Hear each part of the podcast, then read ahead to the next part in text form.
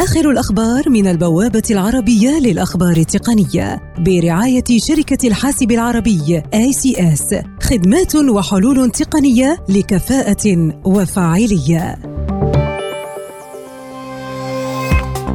شركة اتصالات تعلن عن إطلاق خط واصل جو لمشتركي الدفع المسبق الذي يتيح خاصية ترحيل سعة البيانات والدقائق غير المستخدمة وذلك لأول مرة في الإمارات العربية المتحدة.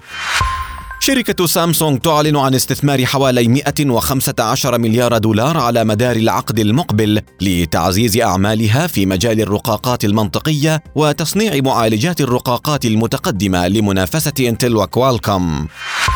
اختبار جديد للأداء يظهر تفوق هاتف سامسونج الأحدث جالاكسي اس 10 بلس على هاتف هواوي بي 30 برو في السرعة بفارق سبع ثوان رغم تشابه مواصفات الهاتفين.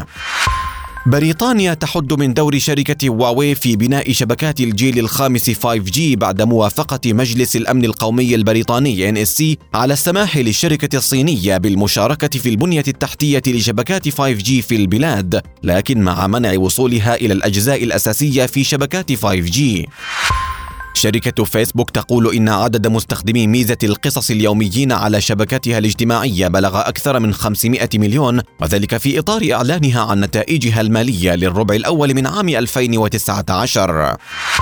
شركة تويتر تطلق تصميما جديدا لنسخة سطح المكتب من خدمتها بهدف توفير منظر أكثر بساطة وأغنى وذلك بعد مدة من اختباره مع مجموعة من المستخدمين.